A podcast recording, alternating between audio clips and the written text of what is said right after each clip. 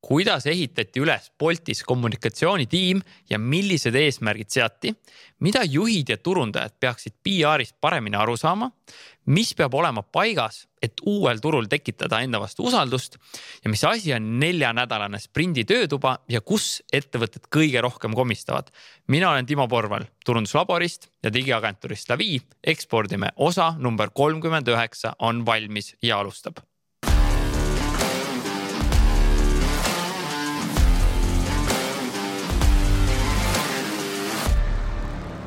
enne veel, kui läheme saate juurde, siis tule otsi Facebookist üles grupp Ekspordime ning tule sinna liikmeks, siis sa saad alati teada, kui uus osa ilmub.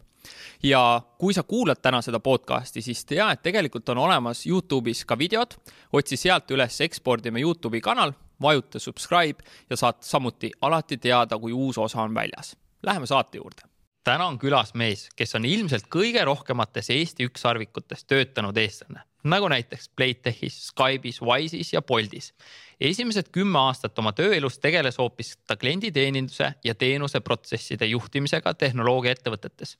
esimestes Eesti startup ides Playtech ja Skype. karjäärimuutuse kommunikatsioonimaailma tegi alles kolmekümne aastaselt. ta alustas JLP nimelises büroos, mis on täna osa Miltoni agentuurist konsultandiredeli esimestelt pulgalt ja leidis ennast kiirelt tehnoloogia kliente teenindamas. Üheks neist Wise, mille asutaja Taavet Indrikus ta appi kutsus. esimene ülesanne PR agentuuris oli kirjutada pressiteade uue Ketchupi lansseerimiseks. mõne aasta möödudes oli aga partneri rollis mentoriks büroo üks osanikke, üks legendaarsemaid Eesti kommunikatsioonieksperte ja arvamusfestivali ellukutsuja Kristi Liiva. ta on näidanud PR-i ja sõnumiga, sõnumi paikaseadmisega kliente nagu Scoro, Jaaga, Katana, Rendin, Gadget, Planet nelikümmend kaks, Respiray, Griffin ja Single Earth. turunduse kõrval on ta tegelenud ka DJ töö ja muusikaga näiteks kaasa teinud lauljana Genka ja Paul Oja albumil. ja kui ta seda mulle ütles, panin ma alles pildi kokku, et just tema oli kahe tuhande viieteistkümnenda aasta Eesti muusikaauhindade videos Genka kõrval laulus Jeesus Presley. ja see lugu on mul ikka playlist'is väga palju kedranud. Peale podcast'i kuulamist minge otsige üles ja nautige refrääni. me kõik lähme lolliks omamoodi. Marek Kunt, tere tulemast podcast'i ekspordime Rõõm mis mul jäi siit äh, ütlemata, tahad sa midagi siia juurde tuua ja rääkida? No see on piisavalt kirju sissejuhatus, ma arvan, et see veidike iseloomustab ka ehk seda, et ma tegelikult olen äh, kogu aeg olnud selline Šveitsi taskunuga või äh, universalist ja, ja mulle kõige rohkem meeldib tegelikult uusi asju õppida. ja selles ma äh, Äh, selles protsessis ma tunnen, et ma teen kõige paremat tööd, nii et äh, kindlasti oleks sinna veel, veel lisada pisikesi või suuremaid asju, aga ma arvan, et see on alustuseks piisav. Mis on praegu selline, mis sul on viimane kuu selline uue õppimise asi, kus sul on silmad säravad, mida sa võib-olla teenusena ei paku, ei tee, aga mis on võib-olla just mingi tuleviku asi enda jaoks? Ehm, no eks, äh, eks viimastel kuudel ikka on üsna palju põnevust pakkunud ju keelemudelid, ai, chat GPT ehkki nad ühel või teisel moel on, on meie kõikide eludes ja minu elus ka juba varem, varemalt olnud, et, et eks see chat GPT plahvatus eelmise aasta lõpul oli see, mis võib-olla rohkem selle meie teadvustesse tõi, aga ilmselt me räägime sellest veidi pikemalt ka. ja sinna sinna me tuleme jõust.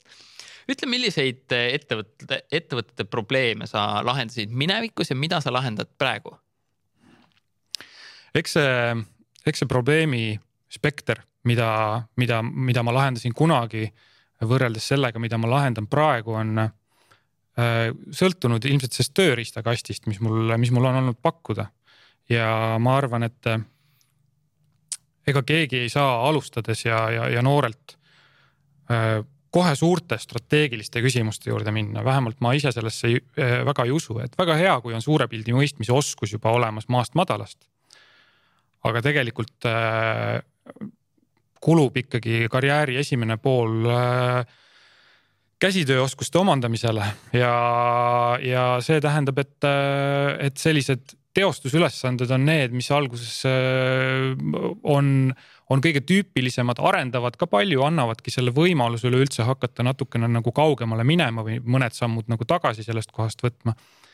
Nii et su küsimusele vastates ma arvan, et, et alguses ma tõepoolest äh, olingi äh, sellise mm, võib-olla kommunikatsioonitööst just rääkides äh, sellise hea sõnaseadja rollis, äh, kelle ülesanne oli tajuda, äh, tajuda maailma, tajuda formaati ja konteksti ja mõelda sellele, et kuidas ühte või teist asja öelda nii, et see võimalikult lihtsalt ja, ja, ja efektselt kohale jõuaks. aga eks täna ma olen selles kohas küll pigem, kus Mm, kus noh,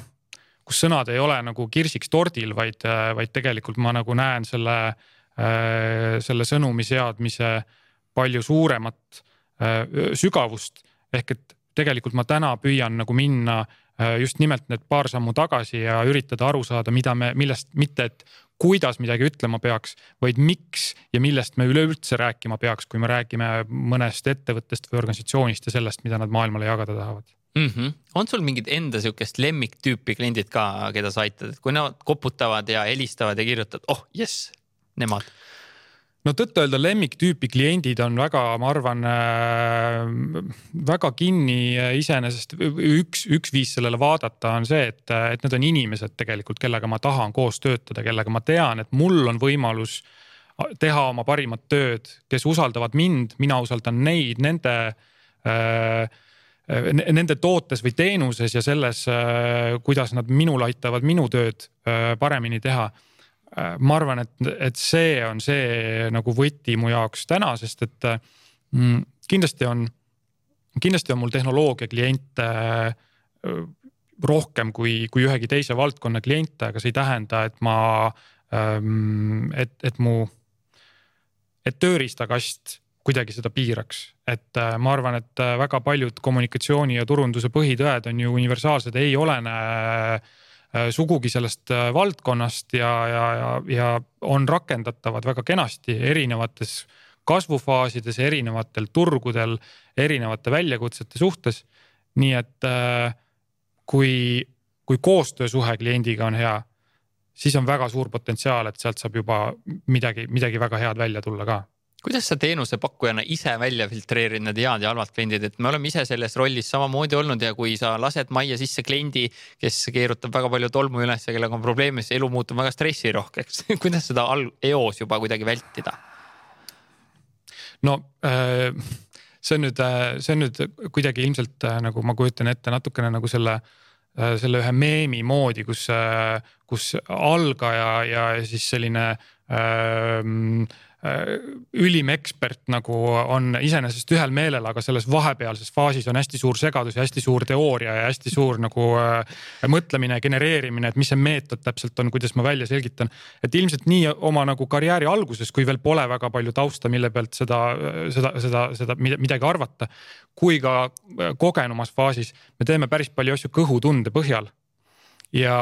eks see selle Äh, eks see kõhutunne ongi ju see, mida me, mida me treenime nende aastate jooksul ka päris palju. nii et lihtne vastus on, äh, on loomulikult kõhutunne. aga noh, kui ma pean seda siis hakkama natukene nagu lahti harutama, siis, äh, siis, siis, siis eks, eks ma nagu jälgin ehk mm, jälgin ehk seda, kuivõrd teadlik Äh, klient ise oma probleemidest on, kuivõrd vastuvõtlik on ta kuulama äh, ja küsima, kuivõrd palju ta eeldab, et ta ise juba teab. Äh, ja noh, eks me nagu ma arvan, sellises konsultatsiooni või teenusepakkuja te, te, teenusepakkujate maailmas teame, et üks kõige tüütumaid olukordi on klient, kes võtab sind selle jaoks, et rääkida sulle, kuidas asju tegema peaks et, et, et ilmselt nagu osalt on lokaatorid püsti selle jaoks, et vältida seda olukorda. Äh, ja, ja, ja, ja tihti on see tõesti nii lihtne, et, et noh, viie või kümne või viieteist minuti jooksul tegelikult äh, selgub see inimestevaheline keemia. ja, ja see määrab hästi palju ära selle, et kas on võimalik raskeid asju rääkida kas on võimalik nagu saavutada seda kohta, kus me saame ausad olla ja see on, see on hästi palju selle eduka koostöö alus väga hea vastus, väga hea vastus. sa oled teinud eh, rahvusvahelist PR-i, kuidas sellistel puhkudel üldse strateegia paika pannakse ja mis need olulised komponendid seal on, et köögi poolt rääkida natuke? ja noh äh, eks tegelikult see retsept ei ole ju äh, jällegi kuidagi äh, mm, et, et noh, siin ei ole eristust kuidagi rahvusvahelise või kohaliku äh, PR-i puhul sellises mm, jah, sellise retsepti mõttes, et me lihtsalt räägime sellest, et kas me valmistame nagu, kas me valmistame süüa nagu kümnele inimesele või sajale inimesele, eks ole, et noh, et mingisugused asjad jäävad samaks, mingid asjad hakkavad veidikene erinema. Mm. Äh, eks see mm,, see, see protsess äh, tegelikult äh, mm, ühesõnaga, mida me, mida me rahvusvahelise PR-i puhul teeme, mida me ei pea näiteks siia koha peale ütleme siis suunatud PR-i või turunduse puhul tegema, on see, et, et Äh, meil on päris paljud asjad kätte antud juba tänu sellele, et me elame mingis keeleruumis, me elame mingisuguses äh, kultuuri kontekstis. me teame, äh, mis on naljakas siin meie lähiringkonnas ja, ja, ja, ja mille üle inimesed muret tunnevad või, või mida nad kardavad. Need on asjad, mida me tingimata ei tea kui me läheme Rootsi või Leetu või Saksamaale või, või USA-sse või Jaapanisse Ehm, see tähendab seda, et mingil moel me peame äh, lähemale saama sellele, sellele keskkonnale. Äh, kas me, kas me saame, kas me jõuame sinna lähemale nüüd läbi selle, et me võtame selle õpiprotsessi ise ette ja, ja ma arvan, et see kui mitte täiel määral, siis osaliselt on see täitsa õigustatud, et, et äh, ise mm, tegelikult endale need välisturud, kuhu, kuhu sa oled minemas, selgeks teha, mitte loota imele või mitte loota agentuurile suure A-ga, kes tuleb ja ütleb kõik vastused ette ära ja, ja, ja, ja sa ainult kinnitad arveid. et eks imesid juhtub, aga ma ei soovita sellele loota. Et äh, tegelikult see, see sellise, selle, selle konteksti selgeks tegemine enda jaoks, ma arvan, on see, see alguspunkt et, äh, et saame aru, mida, mida need kliendid, mida need tarbijad äh, seal kuskil eemal Äh, tahavad, kardavad, loodavad mis see, kuidas see õpiprotsess käib või mis sa selle all silmas pead, et, et see tuleks endale selgeks teha? no väga-väga lihtsa, väga lihtsad äh, viisid seda teha. kas meil on, kas on äh, nagu minu ettevõttes, organisatsioonis äkki mõni tiimikaaslane, kes äh, on sealt pärit, oskab mulle midagi rääkida. äkki ma tunnen kedagi ma tahan Saksa turule minna, äkki ma tunnen mõnda sakslast, äkki ma tunnen kedagi, kes on seal elanud noh, absoluutselt baastasemel on see lihtsalt inimestega rääkimine ja lõpuks, äh, lõpuks äh, formaliseeritumalt võib see olla juba klientidega rääkimine, võib-olla see on, võib-olla see on noh, erinevad uuringumeetodid, et võib-olla me räägime fookusgrupist, võib-olla me räägime mingitest küsitlustest, võib-olla me räägime juba valmis uuringute tulemustest ja sellesse, sellesse süvenemisest et, äh, et see põhimõtteliselt nagu või võib tähendada nii sellist nii-öelda desktop research'i, et ma võtan lihtsalt olemasolevat materjali ja üritan ennast sellesse nagu sisse süü-, loen lehti, kohalikke lehti, olgu siis kasvõi Google Translate'i abiga. Äh, või, või, äh, või jah, lähen koha peale, kas siis mõtteliselt või, või, või päriselt ja räägin, räägin inimestega, et mingit mingit väga palju kavalamat viisi, ma arvan, ei olegi võimalik välja mõelda jah ja mis sealt siis eh, selline edasi saab, et eh, kas tasukski palgata siis nagu agentuur, proovida ise teha, et sinna kohalikku nii-öelda pressi ja meediasse sisse mm -hmm. saada? ja no ma, ma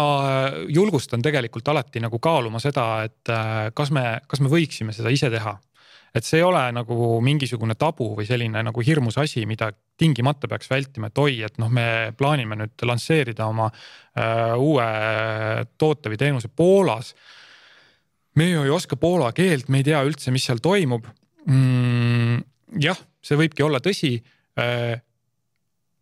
teisalt, kui me nüüd räägime konkreetselt juba sellisest sellistest, ütleme meediasuhete poolest PR-is ma usun, et me oleme nagu kõik äh, võimelised üsna nagu äh, lühikese guugeldamise tulemusena välja selgitama, et mis on nii noh, ütleme Delfi või Postimehe vaste äh, Poolas ähm,.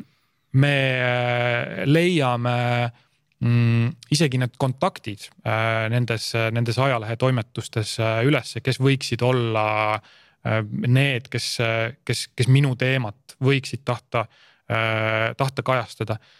kui mul on see baasteadmine, kuidas meediasuhteid teha olemas Eesti turul,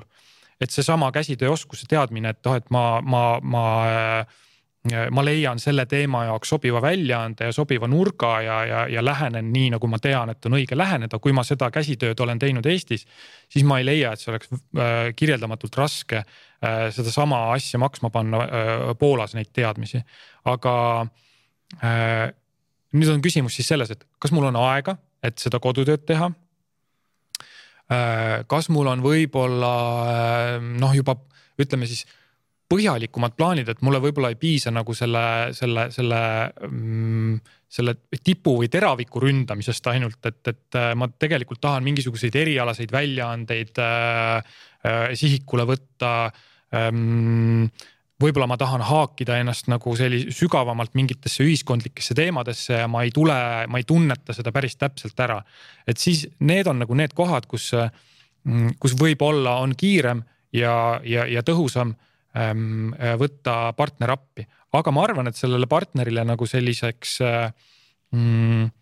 asjalikuks vestluskaaslaseks olemine mitte see, et, äh, et hakata talle loomulikult rääkima tema enda, jällegi me jõuame sinna, et hakata talle õpetama, kuidas Poolas tuleks PR-i teha. Ähm, aga suuta noh, ütleme siis, et, et oleks endal see lugemisoskus, et kui ta midagi, kui, kui ta midagi räägib, et suutlikkus kaasa mõelda sellega Äh, ja loomulikult arusaam, et mida, mida siis minu klient Poolas või mida minu teenus Poolas, mis see kontekst on, kuhu ta asetub et, et see, see kindlasti on, äh, see kindlasti on see kodutöö, mida, mida peaks enne ära tegema. kuidas see hea partner endale sealt äh, Poolast leida, mida peaks küsima, mida peaks vaatama, et noh, me teame ka, ma ei tea, turundusagentuurid või müügiagentuurid, noh, sa võid komistada igasugust otsa. Ja tõsi. Äh, ja ega siin ka äh, sellise, mm, äh, sellise teadusliku meetodi rakendamine on, on, on keerukas, et, et see, mis mind on aidanud, on, on ehk, on ehk see, et noh loomulikult on küsimus ka kõigepealt sellest, et selles, et kuidas, kuidas üleüldse mingisugune shortlist äh, kokku saada, et, et, et üks võimalus loomulikult ma lähen ja, ja guugeldan agentuure mingisugusel turul ja ma ilmselt nagu saan, saan mingi nimekirja, mille mille headust või sisukust ma ei oska ehk äh, esimese hooga hinnata, ma võib-olla küll kodulehtedel kolades saan siis aru, et näed, keegi siin on auhindu saanud ja kellegi, kellegi kliendiks on äh, olnud äh, Microsoft, Philips ja, ja ja, ja Roventa ja siis ma saan nagu, nagu, nagu kõikidel agentuuridel kõikides riikides äh, on needsamad, needsamad ühed ja samad suured kliendid olnud. et ma saan mingisuguse filtri sealt ära teha, kui mul on kellegi soovitused, noh, see on, see on ka jällegi juba kohe üks, üks päris hea äh, üks päris hea filter, loomulikult mitte jällegi ideaalne, et seda, seda tuleb ka väikse terasoolaga võtta. Ehm, aga ütleme, et kui, kui on noh, niimoodi mm, neli-viis-kuus agentuuri lõpuks selles lühikeses nimekirjas, keda, kellega, kellega hakata kontakteeruma, mõni neist võib-olla kukub juba ise kliendi konflikti või, või, või mingisuguse ressursipuuduse tõttu ära. et siis ähm, et siis sellest esimesest kontaktist peale iseenesest hakkab juba nagu selline hindamisprotsess minu jaoks pihta. Äh, ka, ka ehk sellest, et, et kui ma mm, saadan ise sellise ülesande püstituse agentuuri poole, et, et see on see, mida me plaanime tegema hakata, me, meie eesmärgid on sellised ja sellised. Äh, kas nad soovivad küsida lisaküsimusi, kas nad tahavad ise rääkida ja vestelda ja kui me jõuame vestluseni, et meil on näiteks videokõne. Ähm, kas nad kulutavad selle aja selle jaoks, et äh, sedasama kodulehel olevat informatsiooni agentuuri kohta rääkida ja seda, et äh, meie agentuur asutati kaks tuhat kaksteist ja ja, ja, ja konsultant äh, Marek on õppinud bakalaureuse kraadi omandanud Tartu Ülikoolis ja, ja, ja, ja töötanud nende, nende klientidega. et kas ma kuulan tegelikult nagu kümme minutit minu jaoks kasutut esitlust või ma kuulen, et neil on küsimused sisuliselt selle kohta, mida ma teen ja ja et need on ka äh, võib-olla kriitilised küsimused selles heas mõttes, et nad äh, juba nagu analüüsivad natukene nagu lähevad juba selle, selle küsimusega äh, võimalike kitsaskohtade juurde või, või panevad mind proovile mingis asjas. et, et see on see tegelikult, kus ma, mm, kus ma näen potentsiaalselt head sellist kliendi ja agentuuri suhet. mille, mille, mille iva on selles, et, et on see aus suhtlus, on see julgus üksteise mõtteid äh, proovile panna äh, ja, ja edasi mõelda samamoodi, et, et, ähm, et äh, jah, see, see, see, ma arvan, see, kui palju, kui palju ma kuulen asjalikke küsimusi teiselt poolt, on üks päris oluline faktor mm. -hmm. kõik teenusepakkujad saavad selle enda müügiprotsessi ka sisse panna tegelikult on ju. ja absoluutselt, ma, ma olengi ka, olen ka agentuurides seda juttu rääkimas käinud, et, et see võiks olla see, see noh, et kui nad mõtlevad oma müügiprotsessi peale, et siis, et siis ma äh, tõesti kliendi poolt niimoodi kurjalt öeldes ma tõesti ei taha tegelikult viis või kümme minutit kuulata seda seda lugulaulu äh, agentuuri ajaloost ma olen teinud mingi kodutöö, me oleme juba istume laua taga, et seda ei pea enam täna müüma ja see ei anna mulle niivõrd palju juurde kui see, et me, et ma näen, et me vestleme sellest päris asjast ja ma juba saan mingit sellist infot, mida ma ise ei oleks saanud mm. -hmm. mis sind eh, PR-i juures endiselt ohkama ajab, sa küll selles igapäevaselt, ma saan aru, enam täna ei tegele, aga ikka sa vaatad, et no oh, kuidas no eks ma, eks ma olen äh, ühel või teisel moel ikka nagu äh, seotud ka, seotud ka PR-i ja meediasuhetega ja, ja äh, ja võib-olla tõesti neid ketšupi pressiteateid enam ei tee, aga samas nagu tööriistana on see, on see, on see jätkuvalt üks, üks asi, mida kasutada. Mm.. eks kõige rohkem ohkama ajab võib-olla mm,, võib-olla see mm, ütleme noh, nii-öelda siis vähene, vähene teadlikkus või harid, haritus selles, sellest üleüldse, et kuidas meedia üldse toimib. või, või see, et noh, et ma tahaks öö, äh, ettevõtte juhina näiteks noh, hirmsasti tahaks ühte või teise väljaandesse nagu saada oma, saada oma lugu, aga kas ma, kas ma olen seda väljaannet lugenud, kas ma saan, saan aru üleüldse nagu mida, millest seal kirjutatakse, mismoodi seal kirjutatakse, et ma arvan, et see öö, noh üldiselt selline meediaharidus meedia tarbimisest ikkagi äh, pihta hakkab. ja, ja muidugi sellest tulenevalt, et me kõik ju nagu äh, ikkagi aeg-ajalt nagu satume, satume meediat tarbima, mingisuguseid ajalehelugusid lugema online'ist või, või, või mõni eksootiline inimene paberilt. Äh, või, või, või televisioonist või, või, või millisel iganes, iganes moel. et, et siis meil on ju ka noh, kõigil on nagu arusaam, et eks see käib PR ja turunduse kohta üldisemalt, et noh, et me, me kõik kuidagi no ma, ma näen reklaame ja ma loen ajalehelugusid, järelikult ma tean küll, kuidas see asi käib. Äh, ja, ja, ja noh, mõned julgemad inimesed, julgemad isendid siis äh, ma arvan, laiendavad oma seda, seda julgust nagu ka selle, noh, teavad üleüldse, kuidas kõik asjad käivad ja nad teavadki ka, kuidas, kuidas tegelikult nagu ajakirjanikega suhtlema peaks ja ja, ja noh, tegelikult ma arvan, on, on meil, meist, meil igalühel on võimalik leida Äh, üks äh, sõbralik ajakirjanik või sõbralik suhtekorraldaja, kes mõlemad teavad väga hästi seda, milline nagu ütleme siis meedia nagu toimimisprotsess on. millisel moel üks lugu sünnib äh, mis see, mis see, mis see, mida tähendab, mida tähendab toimetaja või toimetus või, või miks, või miks ma, miks ma ei saa nõuda pealkirja muutmist, kui see mulle ei meeldi või, või mingid sellised, sellised küsimused, mis mm, jah, ikka ja jälle tulevad. ja, ja on, on lihtsalt, ma arvan, sellise, sellise jah, vähese, vähese teadlikkuse mure, aga noh, need on, need on, need on lihtne lahendada, kui see vastuvõtlikkus on olemas. mingeid nõuandeid ajakirjan-, ajakirjanikuga siis suhtlemises või selle suhte ehitamises ja hoidmises? Noh, ma arvan, et kõige elementaarsem äh, nõuanne on see, et noh, me räägime, me räägimegi meediasuhetest ja me, me räägime, kui me räägime suhtest ajakirjanikuga, et, et see, see võtmesõna seal on suhe. et me, see ei ole tehing. Äh, see võib olla vastastikku kasulik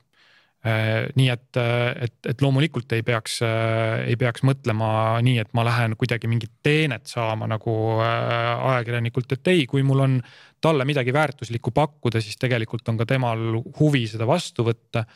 ja kui ei ole mul midagi väärtuslikku pakkuda, siis ei ole ka noh, siis, siis, siis ma pean ka leppima sellega, et mul täna ei olnud seda väärtust pakkuda ähm,. aga aga nii nagu väga palju asju, paljude asjade puhul elus, et nagu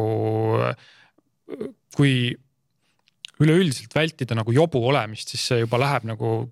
väga-väga äh, väga suure boonus äh,, boonuspunkti saad sa sealt juba, juba kirja, ma arvan, et kui me nagu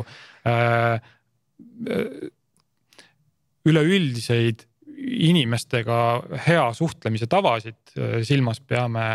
ja see tähendab seda, et ma ei äh, ma ei nõua midagi põhjuseta inimeselt, kes mul ei ole seda midagi võlgu või ma ei, äh, või ma ei tõsta ta peale häält äh, saamata aru olukorrast või saamata nagu mm, noh, ma siin pean silmas tõesti seda, et ma nüüd äh, olen ajakirjaniku peale pahane, sest et mingisugune asi oli kuskil artiklis valesti, siis ma lähen, noh, ma helistan kuskile toimetusse tõstan häält ja, ja, ja, ja, ja, ja tõstan kära, et see, et küll, küll need ajakirjanikud on ikka rumalad ei tea üldse neid asju. Äh, et, et, et ma arvan jah, et meeles pidada seda suhte poolt seal on, on see, on see võtmesõna ja suhe tingimata ei alga alati nagu kohe tehingust, et, et äh, kui olla ise see pool, kes, kes saab ajakirjanikule kuidagi kasulik olla, enne kui ma midagi nõudma hakkan siis nagu igas suhtes see tegelikult, äh, see tegelikult nagu õlitab seda edasist head minekut ju ja, ja, ja ma arvan, et see selline nagu vastastikune austus ja vastastikku väärtuse pakkumine on seal võtmesõna. kuidas ma saan talle kasulik olla? millega? Äh, noh, ajakirjaniku äh, selline valuuta on ju tegelikult info ja arvestades seda, kui palju nad peavad, kui palju täna toimetuses töötav inimene peab päeva jooksul või nädala jooksul erinevaid teemasid läbi äh,, läbi käima või läbi närima neist äh,, siis äh,, siis see, kui on äh,, kui on võimalik pakkuda sul erialase e, e erialase inimesena mingisuguses teemas nagu süvis, süvitsi ekspertiisi omava inimesega, inimesena mingit taustateadmist, mida tal muidu oleks väga raske hankida siis see on, äh, siis see on väga-väga väärtuslik asi, et, äh, et alati see äh, alati see suhtlus ei pea olema seotud äh, sellega, et mul on mingi teema, millest ma tahan, et sa kirjutaksid äh,. ei, tegelikult selle suhte äh,, suhte vundament saab olla see, et ma tegelikult jagan sulle, jagan sulle teadmisi, mida mul on ja sul ei ole ja ma äh, on see siis, on see siis mingisuguse erikokkuleppe näol, noh, me teame nagu äh, ilmselt kõik vähemalt filmidest, võib-olla ka oma praktikas on nagu kohanud äh,, kohanud äh, väljendeid äh, äh, noh, mis kuidagi nagu ähm, äh, mis, mis kuidagi siis nagu salajase, salajast infot nagu äh, aitaks nagu kommunikeerida niimoodi, et, et loomulikult võib, võib, võib kõiki neid on background ja, ja, ja, ja kõiki neid termineid nagu, kui, kui sa tead, mida nad tähendab, võib, võib neid ju kasutada küll, aga äh,. aga noh, siin muidugi jah, ma arvan, tasub, tasub silmas pidada, et lõpuks kui miski on päriselt konfidentsiaalne ja miski on päriselt äh, salajane, siis äh, noh, see kõige parem viis seda hoida salajases on mitte, mitte, mitte, mitte rääkida ähm,. ja mm. -hmm. ütle, mida turundajad ja juhid peaksid eh, PR-i osas paremini mõistma? ma arvan, et seesama äh, suhte pool on nüüd see, mis, ähm, mis siin äh, rolli mängima hakkab, et selle selle töö, tööalase input'i nii-öelda nagu tulemuse tulemuseni jõudmine võib või, või sellest, sellest sisendist nagu mingisuguse mulle kasuliku väljundini jõudmine võib olla, võib olla pikk ja, ja, ja mitte nii väga hästi jälgitav äh, protsess isegi, sest kuidas me, kuidas me mõõdame äh, seda, et ma mm, et, et pool aastat tagasi ma, ma sattusin kellegagi ühel üritusel vestlema ja, ja siis kuus kuud hiljem nüüd sellest sündis mingisugune asi, mis oli kriitiline minu jaoks mingisugusel turul edasi toimetamisega näiteks, et kui me räägime ka valitsussuhetest näiteks või, või lobist, et või, või, või, räägimegi ka sellistest nagu kaubandussuhetest või diplomaatiast, et, et siis äh, et, et kõik, mis on suhetele üles ehitatud, see, see, selle, selle mõõtmine muutub otsekohe palju keerulisemaks. Ja võib-olla seda äh, võib-olla PR-i puhul nagu noh, mõnes mõttes teevad nagu, äh, teevad karuteene äh, PR-ile lood, kus mm, kus keegi jagab, et noh, et, et see üks meie artikkel siin Forbesis nüüd tõi meile kaasa müügikäive, käibe sajakordistumise. et seda kõike juhtub ja, ja kindlasti ongi olukordi, kus on väga mõõdetav ka seesama PR-i tulemus, et ma tõesti võin näha, et näed, launch'i päeval, kui meil nüüd olid uudised kõigis nendes suurtes portaalides õnnestus saada uudis, uudis ülesse ja, ja orgaanilised otsingud selle peale nagu hüppasid kohe sellel päeval üles ja järgmisel päeval ka veel, ka veel veidikene nagu kestsid et ja ma näen seda, ma võtan oma Google Analyticsi lahti ja, ja, ja ma näen seda tulemust selgelt. et äh, võib-olla ma näen isegi oste nagu sellest, selle konkreetse nagu orgaanilise kanali pealt. et äh, see kõik võib olla, aga, aga see osa, mis puudutab äh, suhete ehitamist, on, on õnnetuseks hägune ja, ja sellega ma arvan, on, on raske leppida, kui, kui, kui, kui ühelt poolt on sul nagu äh, piksel, mida sa track'id ja, ja, ja, ja inimesele päriselus ei saa seda pikslit külge panna mm. -hmm. väga hea point. sa oled eh, Boltis kommunikatsioonitiimi üles ehitanud, kuidas üldse see käis ja mis positsioonid sa samm-sammult eh, värbasid ja võtsite sinna? ja Bolt oli äh,, Bolt oli selleks hetkeks, kui kui see kommunikatsioonitiimi ülesehitamine äh, hakkas tegelikult juba päris mitmed head aastad äh, toimetanud, isegi nagu tootestrateegiat vahepeal muutnud ja, ja, ja, ja juba päris suurt, suurtel turgudel toimetamas mm,. nii et, ähm, et äh, selleks hetkeks, kui ma sinna jõudsin, oli tõepoolest, äh, oli tõepoolest ka vaja seda, vaja seda funktsiooni hakata natukene tõsisemalt võtma. Ähm, kui mina sinna kui mina sinna jõudsin, see on nüüd nagu, kui Arno isaga koolimajja jõudis eh, siis oli, eh, oli Boltil juba tegelikult üks eh, kommunikatsioonispetsialist majas sees olemas, kelleks oli Marilyn Kirsimäe, kes ma arvan, on kindlasti rekordiomanik, mis puudutab seda, et kui lühikese kommunikatsioonivaldkonna karjääri jooksul, äh, kui vastutusrikkaid ülesandeid juba täitma sattuda. sest et äh, tema esimesed kuus kuud möödusid, äh, möödusid näiteks Bolti Londonis launch ides ja siis ka mõned päevad hiljem kinni pannes. Pariisi launch ides Äh, Austraalias äh, Sydney't launch ides, et, et need olid asjad, mida, mida ta,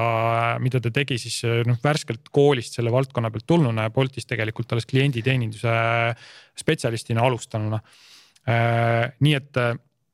tema oli väga-väga-väga rõõmus, et mina sinna majja saabusin, sest mul olid siiski selleks ajaks noh mm, kogemused Wise'ist Euroopa kommunikatsiooni juhtides ja, ja, ja, ja pikaaegne agentuuri kogemus. nii et tal oli, tal oli ülimalt hea meel, et ta sai kellegagi lõpuks ometi mõtteid põrgatama ja ei pidanud kõiki neid vastutusrikkaid asju enam üksi tegema äh, aga päris pikka aega me toimetasimegi kahekesi ja, ja noh, selles olukorras kõik teevad kõike kindlasti, et keegi ei pääse nagu, keegi pole ülemus, keegi pole keegi, kes nagu äh, kellegi valged kindad on kuidagi puhtad. et kõik on ikkagi käsipidi kogu aeg asjas sees äh, ja ma usun, mu meelest äh, üks, üks aasta me toimetasime kindlasti ka täitsa nagu niimoodi omavahel kahekesi ja saime hakkama nii, et me jagasime küll sellel hetkel ka juba siis kuna Bolt juba oli toimetamas väga paljudel eri turgudel nii Euroopas kui Aafrikas, siis me tegime omavahel sellise väikese regionaalse nagu split'i, et, et, et leppisime kokku, et et nendel turgudel agentuuride ja, ja, ja, ja, ja meediatöö koordineerimine jääb sulle, nendel turgudel mulle ja, ja järgnevad kaks, kaks järgnenud meeskonnaliiget. üks neist samamoodi läks siis nii-öelda nagu võttis ühe regiooni enda kanda ja oli seal nii-öelda PR-tegevuste juhiks ja, ja teine neist oli siis äh, juba konkreetselt sellise, ütleme siis natuke funktsionaalsema rolli, äh, rolli peal siis, et, et võttis meediasuhete koordineerimise globaalsemalt üle. et oli põhimõtteliselt see, kes püüdis leida selliseid lugusid, mida saaks rääkida kõikidel turgudel ja siis äh, ülejäänud tiimiga, kellel olid siis oma regionaalsed fookused, seda siis jagada ja noh, edasi on see tiim samamoodi kasvanud tegelikult peamiselt siis nagu nii-öelda regionaalseid PR-juhte juurde võttes. Äh, täna on, täna on ka tiim nii suur äh, ja seda ma nüüd räägin juba äh, kõrvaltvaatajana, et täna, täna on Bolti PR-tiimi kolmas liige Karin Kase täna juhib, juhib sealset kommunikatsioonitiimi ja, ja tema all on täna ka sellised, ütleme siis tootepõhiseid PR-juhte ka, kes kuna, kuna Boltil on siiski ütleme ka kõik need tooted, mida, mida, mida Bolt äh, pakub, on piisavalt suured, et võiksid olla täitsa vabalt eraldi ettevõte ka mm,. nii et on täitsa põhjendatud, et, et mõnel juhul nagu noh, näiteks siis ütleme mikromobiilsusest rääkides, tõukside ja, ja, ja, ja, ja muude nende elektrisõidukite puhul, et seal on, seal on inimene, kes täitsa konkreetselt seda valdkonda aitab siis äh,. Aitab, aitab sealt leida neid lugusid, mida siis, mida siis erialameediale pakkuda et äh, selline, äh, selline oli see meeskonna kasv, aga noh, ma veel ütleks, et kindlasti selle meeskonna selline nagu äh, alati PR-meeskonna väga oluline nii ressurss kui tugi kui sisendi andja on ettevõtte tegevjuht, kelleks äh, Bolti puhul Markus Villik kindlasti oligi. ja, ja ma arvan, et oli üks neist inimestest, kes tajus nii sõnumit kui, kui, kui, kui meediat üpris hästi Äh, või oli, oli teadlik oma, ütleme oma sõnade mõjust tegevjuhina ka kindlasti. ja, ja eks äh, lisaks siis olid ka majavälised partnerid, keda meil tõesti mingitel turgudel ikkagi äh, abiks oli, et neid, neid oli, neid oli omajagu, neid agentuure erinevates riikides või siis kohalikke turundus, turundusjuhte, kes ühes või teises asjas aitasid mis sellise kommunikatsioonitiimi eesmärgid olid, et kui sa sinna läksid, et vot nüüd me hakkame jahtima seda mis see see oli ja mis need mingid numbrid olid, kui sa saad rääkida? Ja ma, ma võib-olla mingit sellist lähenemist nagu saan kirjeldada, et, et loomulikult on võimalik äh, ikkagi noh, hoolimata sellest, et ma siin ütlen, et, et PR-i ei saa track ida nagu pikslit, et. et lõpuks mingisugused sellised väljund eesmärgid on võimalik paika panna, mis lihtsalt mingit mõõtkava aitavad nagu äh, seada. et, et me teame, et me tahame äh, näiteks selles äh,, selles konkreetses riigis äh, Äh, jõuda selle kvartali jooksul selleni, et, äh, et vähemalt kahel või kolmel korral äh, meie jaoks olulises väljaandes ilmub, ilmub lugu meie, mei-, meile sobi-, noh, ütleme meile vajalikul teemal. et seda tüüpi eesmärgistamist kindlasti on, on, on võimalik teha ja loomulikult peab seda võtma nagu ütleme siis Äh, teatud paindlikkusega, sest et mõnikord avanevad võimalused, mida sa enne ei teadnudki ja sa pead neid jooksu pealt ära kasutama ja teinekord mingisugused aknad sulguvad ja sa pead lihtsalt jooksu pealt ümber mängima, et. et, et see selline nagu leppimine sellega, et väga paljud asjad pole su kontrolli all, on, on, on selline asi, mida selles, selles ametis lihtsalt peab tegema, vastasel juhul eh, vastasel juhul on väga kiire, eh, kiire selline läbipõlemine sind, sind ootamas ja, ja, ja, ja jah, et natuke peab nagu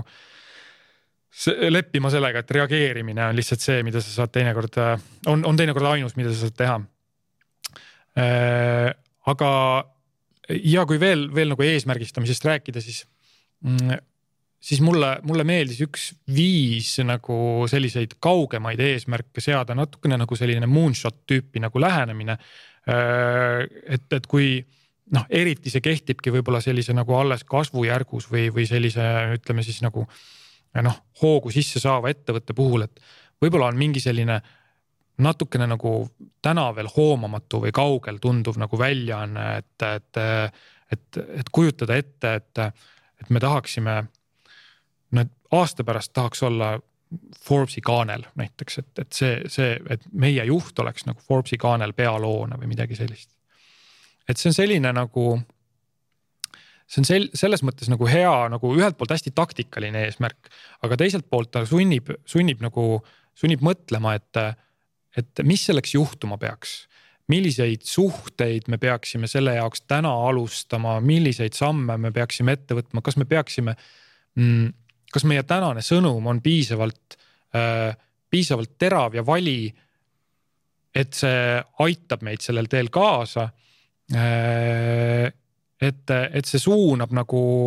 äh, suunab mingeid mõtteid siiski kuidagi nagu lisaks sellele, et see on selline nagu mõnele võib-olla meeldiks mõelda sellise universumile soovi väljasaatmisest ka mm. -hmm. aga lisaks sellele see lihtsalt joondab nagu mingid teised tegevused selle, selle veidikene abstraktse, veidike liiga kauge eesmärgi täitmise suunas äh,. nii et isegi kui see ei saa teoks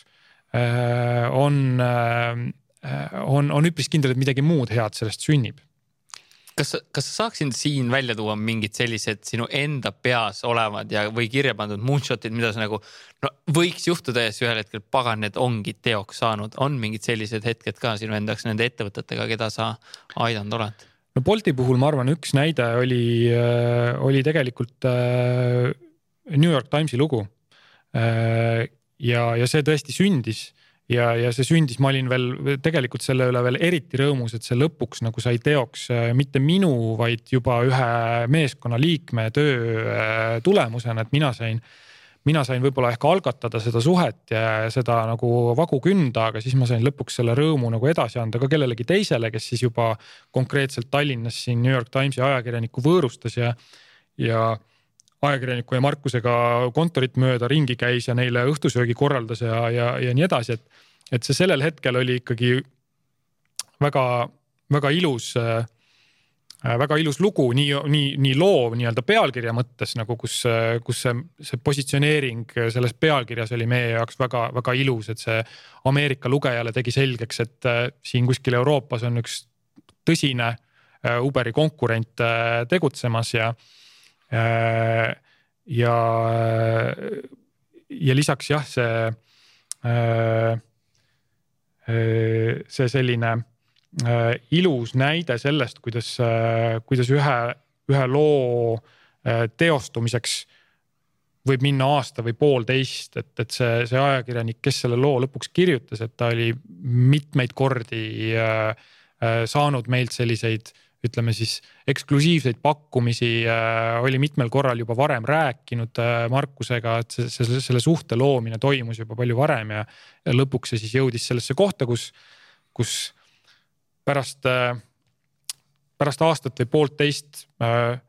mitte midagi tegemist justkui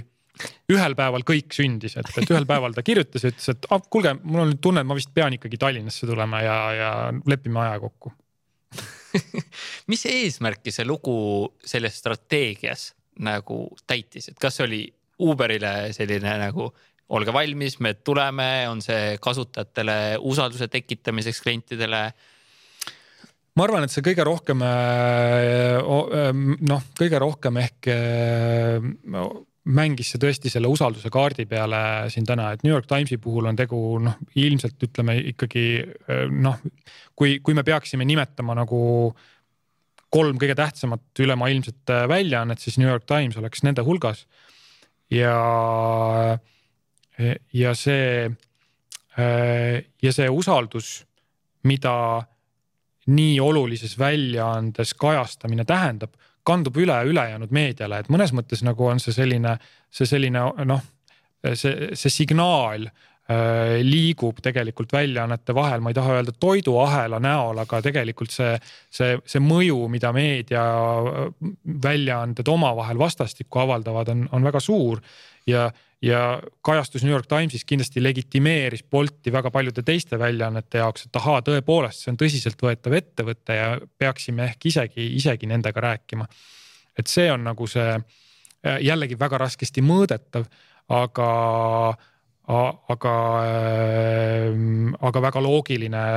tulemus sellest. nii et, et ilmselt see ei teeninud kohe ühtegi sellist nagu ärilist eesmärki, sest et kui me mõtleme, et see oli USA lugeja eelkõige või noh, ütleme New York Times on USA väljaanne, loetakse üle maailma, siis, siis ma kahtlen, et sealt kohe selliseid mm, noh, kliente näiteks tuli Äh, et keegi, kes nüüd võttis selle peale Bolti äpi lahti või, või, või võttis, äh, võttis, võttis ja laadis endale telefoni Bolti äpi, et, et noh, ei välista, aga see polnud tegelikult selle asja eesmärk, et, et selle asja eesmärk oli tõepoolest selle usalduse saavutamine ja, ja noh, Bolti suuruse ettevõtte puhul tõesti juba ka Äh, mitte ainult klientide, vaid teiste selliste stakeholder ite suunal ka, et me juba räägime nagu regulaatoritest, äh, sellistest valitsussuhetest, et see kõik mängis ka rolli. ja võib-olla ka USA-st investorid. kindlasti ka investorid jah, et väga paljud meediakajastused ütleme noh, nii äh, eriti ka ehk sellises nagu alustavas faasis äh, startup'i jaoks, no Bolt oli juba natukene täiskasvanum, aga, aga et äh, jah, investorsuhete jaoks on nad kahtlemata ka oluline tööriist. sa oled näinud ettevõtete kasvu kahesajalt inimeselt tuhandele, mis väljakutseid see kommunikatsiooni ja sõnumi osas kaasa tõi? ma arvan, et see kasv äh, kahesajalt tuhandele või kahele tuhandele mm, võib-olla ei mängi äh, väliskommunikatsiooni seisukohalt isegi äh, nii suurt äh, rolli, et kindlasti see mõjutab äh, sisekommunikatsiooni ja, ja noh, need, need suured sellised äh, murrangulised kohad äh, tulevad võib-olla juba isegi varem kätte, et, et kümne, kahekümne inimese pealt neljakümne, viiekümne inimese peale liikumine on. on, ma arvan, võib-olla veel valulisem kui selle kahesaja pealt tuhande peale liikumine, sest et äh, järsku oled sa sellest äh, kohast, kus kõik istusid põhimõtteliselt ühes toas äh,. Olukorras, kus on äh, kus on justkui äkki mingisugused väikesed subkultuurid või kambad või mingid inimesed, kes räägivad rohkem omavahel ja, ja, ja, ja äh, ja tahes-tahtmata, sest me lihtsalt inimestena oleme niimoodi ehitatud ja, ja, ja isegi noh, ütleme mm, ka, äh, ka geograafiline distants ei ole Äh, ei pea olema väga suur, et me juba nagu tunneksime, et keegi on kuskil eemal, piisab sellest, kui ta on juba mingi teisel korrusel. Või piisab sellest, kui ta on nurga taga, siis ta on juba vähem oma kui see, kes istub sul siin kõrval lauas. nii et noh, inimestena me oleme nagu väga lihtsad selles osas. Äh, väliskommunikatsiooni seisukohalt ehk on nagu üks asi, mis siis nagu selle sisekommunikatsiooniga kokku klikib, on lihtsalt see, et ähm,, et äh, üldiselt on hea, kui inimesed ei loe uudiseid oma ettevõtte kohta ajalehest. nii et, äh, et see on see koht, kus lihtsalt sisekommunikatsioon ja väliskommunikatsioon peavad hakkama omavahel väga head koostööd tegema. Äh, ja muidugi ei olegi kõikidel äh, ettevõtetel ka kohe selles faasis mingit sisekommunikatsiooni juhti võtta või, või ei ole kedagi, kes on Pole ehk isegi kedagi, kes on konkreetselt selles rollis, rääkimata veel sellest, et konkreetselt selline ametinimetus juba. et noh ilmselt kellelegi see roll langeb, ilmselt, ilmselt mitteametlikult keegi see lõpuks on, kes seda äh, kes seda lugu kuidagi ettevõtte sees äh, kannab ja ilmselt on mingisugused, mingid võib-olla koosoleku formaadid või, või, või sellised kohad, kus tegelikult see info juba siis tõesti liigub. et need on olemas. Äh, aga, aga jah, muutub ikkagi päris oluliseks see, et, et, et mitte mm,.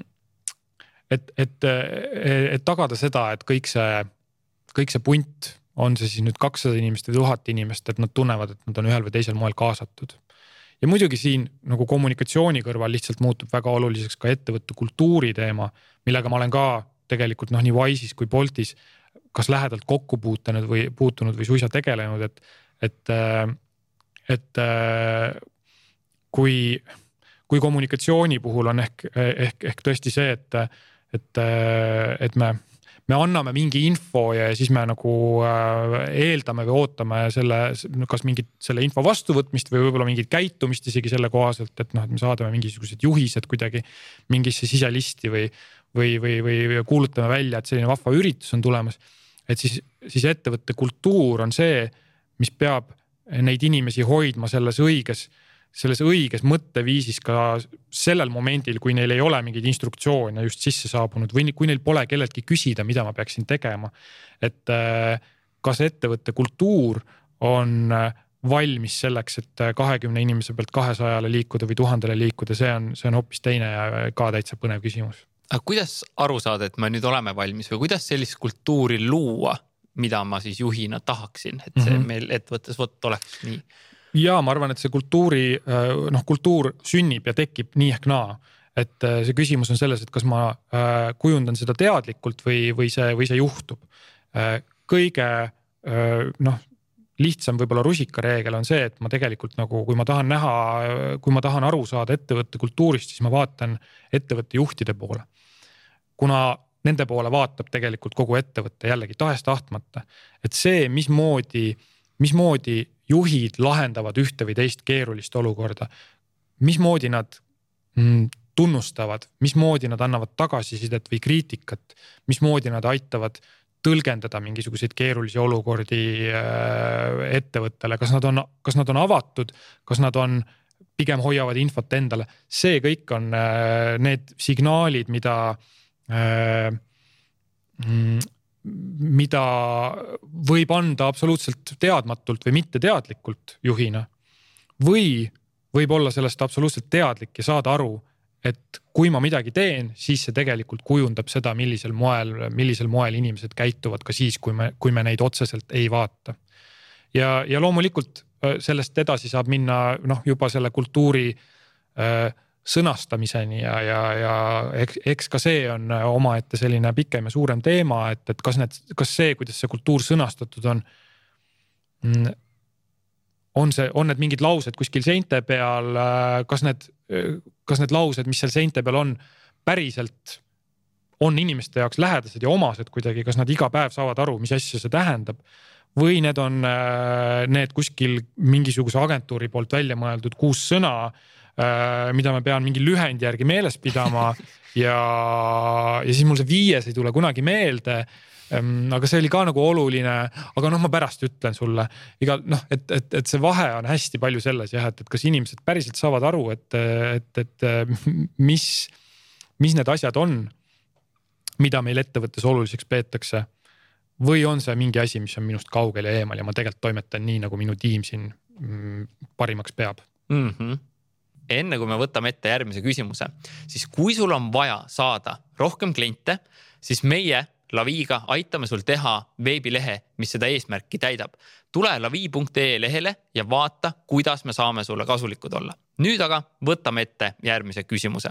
kuule, aga liigume PR-i alalt sinna positsioneerimise ja sõnumi juurde, et mis need üldse tegelikult tähendavad, see positsioneerimine ja sõnum ja ja nad on omavahel väga tihedalt seotud, mis ongi ehk võib-olla see, miks ma ka ütleme ühel hetkel äh, sõnumi kõrval äh, positsioneerimisega ähm, tegelema hakkasin või sunnitud olin äh, hakkama. et kui sõnumi puhul me räägime sellest, et, et see on selline mm, ütleme, kõige olulisem asi, mida ma tahaksin, et minu kliendid või, või, või see, kellega ma ke,, kellele mu, kellega ma kõneleda tahan, äh, minu kohta teaksid. see üks lause, mida nad, mida nad, mida nad ütleksid, äh, kui, kui neilt küsida, et mida, mida need teevad. Äh, et, et, et see väga lihtsustatult on justkui see sõnum. siis siis tegelikult positsioneering äh, on, on väga palju selle sõnumi aluseks äh,. positsioneering väga lihtsalt öeldes äh, tähendab seda, et ma tean äh,, kellele mu toode on suunatud ja miks ta seda tahab äh,. miks see, miks see teatud sihtrühm väga tahab just minu toodet kasutada, võrreldes kõikide nende teiste võimalike alternatiividega maailmas, mida ta võiks teha selle asemel kui ma seda ei tea, siis mul on väga raske äh, hakata vaakumis välja mõtlema, et mida ma oma kliendile öelda tahaksin. et siis ma jõuan igasuguste erinevate ilusa või võib-olla isegi ilusti kõlavate lausete juurde, aga kas see tegelikult aitab äh, selgeks teha seda kõige olulisemat asja, mida ma tahan oma kliendile öelda, et see on see, miks, miks, miks meie toode või teenus on sulle hea. Ähm, ja see lünk, kas sa tead seda või sa ei tea, miks su toode on kliendile hea, tuleb, äh, tuleb sõnumit, sõnumi kallal tööd tegema hakates üpris hästi välja. Ehm, sest äh,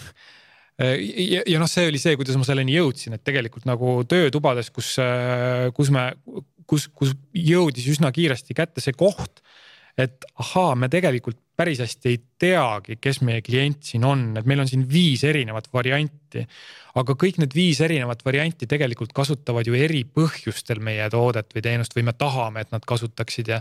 ja, ja nagu, et nüüd me tahaks neile kõigile nagu midagi öelda ähm, ja, ja, ja, ja noh, ja siis me jõuame nagu noh, sõnum, sõnumiga töös me jõuame kohe nende piiranguteni, et noh, et me ei saa kõigile öelda hästi palju neid kõiki neid erinevaid asju. et me peame hakata, peame hakkama kokku tõmbama. ja, ja, ja siis ja siis, ja siis jõuabki see küsimus nende samade positsioneeringuga seotud küsimuste juurde, et kes on see klient, kellele me tegelikult kõige rohkem suudame täna väärtust pakkuda sellega, mida me teeme. et äh, äh, ja see on see, see on see nende omavaheline äh, side ja ilma, ilma sellise selge positsioneeringuta on, äh, on sõnumiga töö veidikene nagu selline nagu noh, veidike rohkem huupi tulistamine. Kuidas selle kõige juures selline, sa ütlesid ka seda, et kuidas me kellele suudame kõige rohkem väärtust pakkuda, kuidas selline väärtuspakkumine või siis inglise keeles on USP unique selling proposition, unikaalne müügipakkumine. kuidas selle siis kokkupanek käib, et see ei ole ka ju nii, et vaatan lakke ja loovalt lähen asjale või? ja äh, noh, siin on siin on kindlasti erinevaid selliseid äh, framework'e, raamistikke, mudeleid, kuidas äh,, kuidas jõuda selleni, et äh, millist äh,, millist rolli mu, mu toode või teenus üleüldse minu arvatava kliendi elus täidab või, või noh ma arvan, et kindlasti võib, võib sellest huvitujatel olla huvitav, olla põnev guugeldada jobs to be done framework'i. Et äh, kus on, kus on noh, minnakse kindlasti süvitsi nagu nende küsimustega, et kuidas välja selgitada, et millist, millist muret või olukorda või millist tööd siis, millist, millist rolli äh, mu teenus või toode aitab, aitab mu kliendi elus lahendada või täita nende sarnaste küsimustega tegelikult ütleme siis noh te, teadmisega, et kui meil on mingisugune, kui, kui me juba kujutame ette, noh, ütleme tavaliselt ettevõte. Kui ta ei ole päris nullis, nullist alustav, siis tal on mingi ettekujutus, et kes on tema konkurendid. Äh, meil on võimalus äh, noh, eriti võib-olla sellises B2B-s kehtib see, on see, on see võib-olla veel lihtsustatum või veel selgem, et me tegelikult nagu teame, et meie sektoris nagu äh, pakuvad sarnast teenust veel need neli või, või, või kolm-neli-viis olulist ettevõtet ja meil on nendega võrreldes sellised ja sellised eelised. Äh, noh, tootefunktsioonide näol on need eelised sellised ja sellised. millist väärtust need eelised, need funktsionaalsed eelised meie kliendi jaoks kannavad ja äh, kas ta päriselt saab neist väärtustest kasu, kas tegelikult tema jaoks ka midagi, midagi muutub, kas ta teeb midagi erinevalt, kas ta tunneb midagi teistmoodi, kuidagi teistmoodi ennast või, või ta saab teha midagi, mida ta varem ei saanud teha. Et kas see, kas see väärtus, kas see väärtus on seal olemas ja kui oluline ta selle, selle kliendi jaoks on, et kas me leiame selle kliendi, kelle jaoks ütleme, see, see väärtus meie tootest või teenusest on kõige suurem et äh, nende, nende see, see küsimuste mäng ja see selline võrdluste mäng on see, kuidas, kuidas tegelikult neid positsioneerimise komponente, milleks väärtuspakkumine samamoodi on, kuidas neid kokku panna. Ja nad mõjutavad kõik tegelikult üksteist, nii et see selline nagu tasakaalu hoidmise äh, mäng äh, on see, on see kindlasti. ja, ja, ja kui keegi soovib jah, ütleme niimoodi praktilisemalt positsioneeringu kohta veel teada saada, siis, siis tasub, tasub April Dunfordi kindlasti guugeldada, kellel on väga hea raamat. Obviously awesome ja väga häid ka ütleme siis tasuta, tasuta kättesaadavaid materjale tema enda kodulehel, et, et mina pean väga praktiliseks ja väga mõjukaks autoriks teda täna. väga hea vihje. Eh, tuleme korra selle sõnumi juurde, miks see üldse selge ja järjepidev sõnum oluline on? jah, see on eh, noh, PR-is on selle kohta ütlus, et, eh, et, et kui, kui sa oled oma juttu juba nii kaua korranud, et sul on endal ka juba okse maitse suus sellest jutust. et siis lõpuks hakkavad esimesed inimesed aru saama. Äh, inimeste selline vastuvõtuvõime on piiratud, me ei ole, me ei ole ainus, äh, meie ettevõte või organisatsioon või teenus või toode ei ole ainus nende elus. ja kõige olulisem, erinevalt meist, kelle jaoks see on ilmselt kõige olulisem asi elus praegu,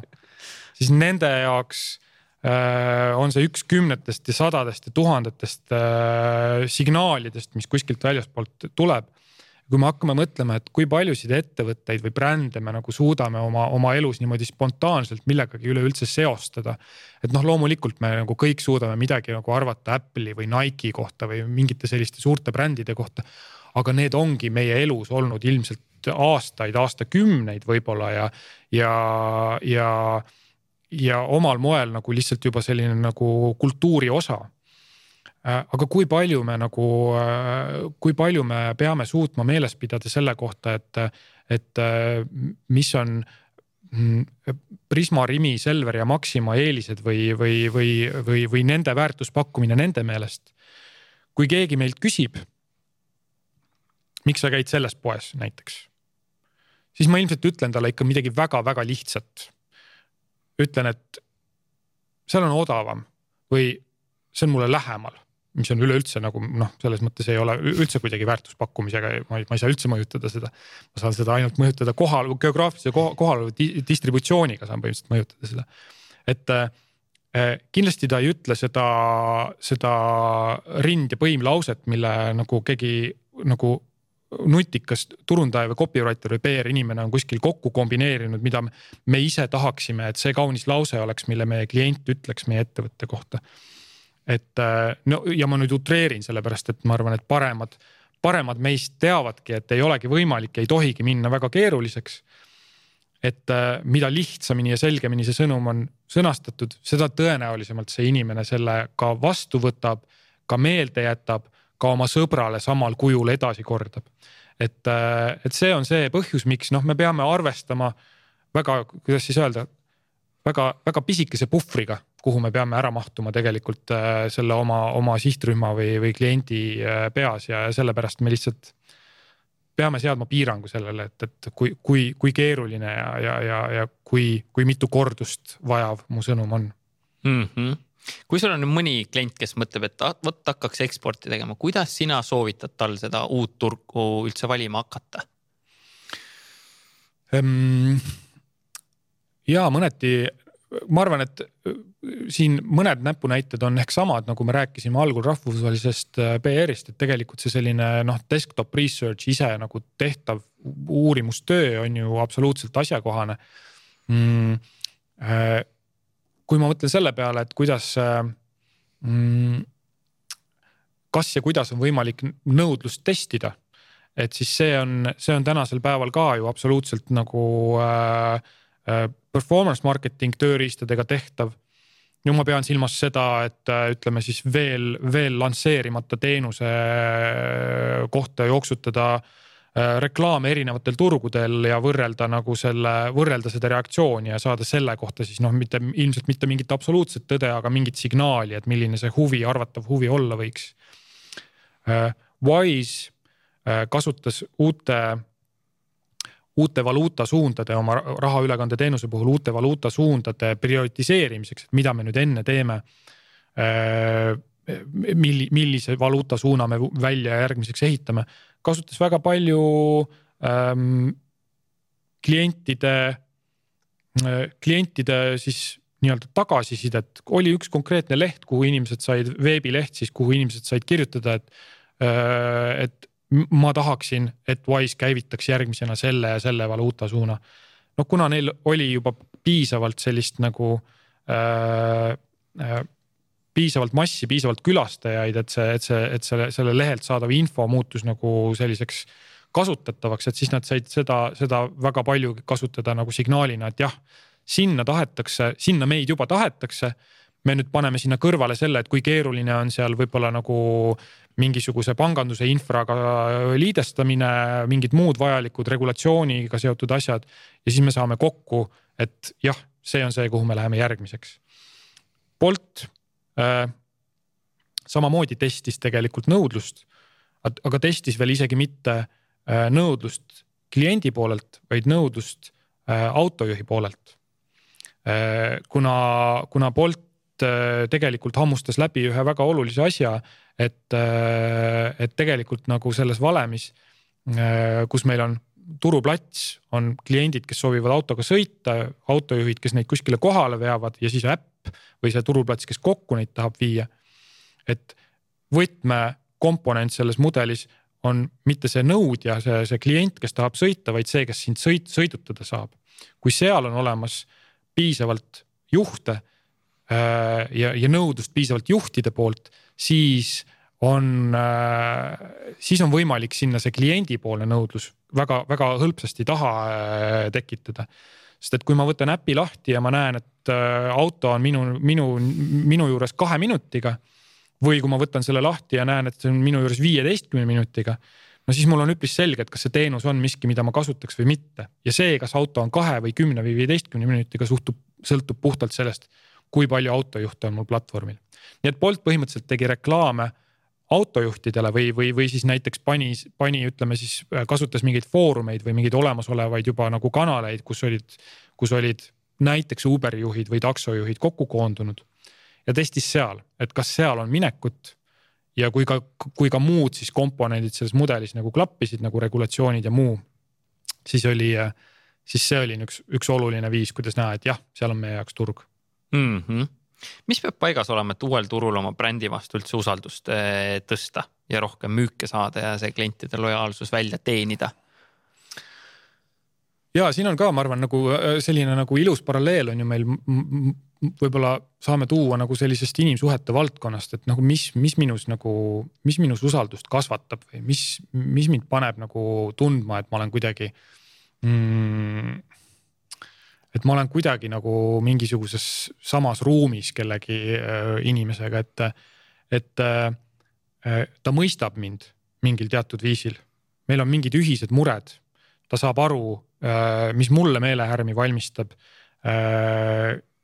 ta oskab minuga nendel teemadel vähemalt vestelda.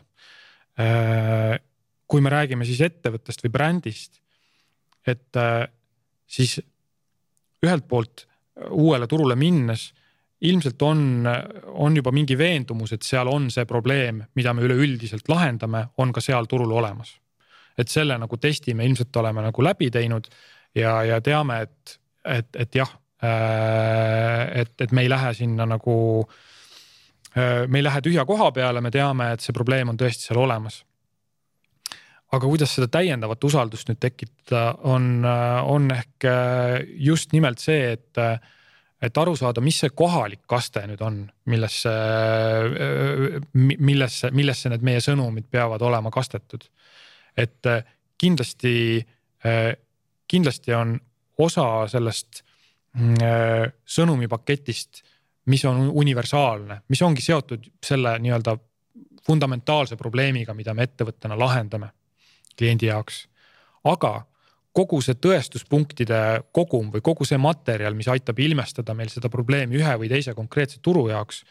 on, on, on erinev, et äh, ühes linnas äh, on transpordiprobleemid äh, sellised ja sellised, ühes linnas võib-olla on on ühistransport see, mis on, mis on probleemiks, et see on vilets ja ei liigu või on ebaturvaline. teises linnas võib-olla see probleem äh, seisneb hoopis liigses autostumises või, või, või, või, äh, või hoopis selles, et äh, noh ma ei tea, jalgrattateede infra on, on kehv, et kui me räägime nüüd nagu transpordimaailmast näiteks, et, et kui me seal soovime minna lahendama probleemi, et me aitame liigutada inimesi punktist A punkti B, mis on see, see fundamentaalne probleem, siis see, mis sinna juurde käib, on kõik, on kõik kohaliku, kohaliku tähtsusega. Ja, ja ma arvan, et see usalduse loomine saab alata sellest pihta, et ma näitan, et ma saan aru, mis siin toimub mm. -hmm sul on neljanädalane sõnumisprindi töötuba, ütle, mida seal tehakse ja mis etapid läbitakse?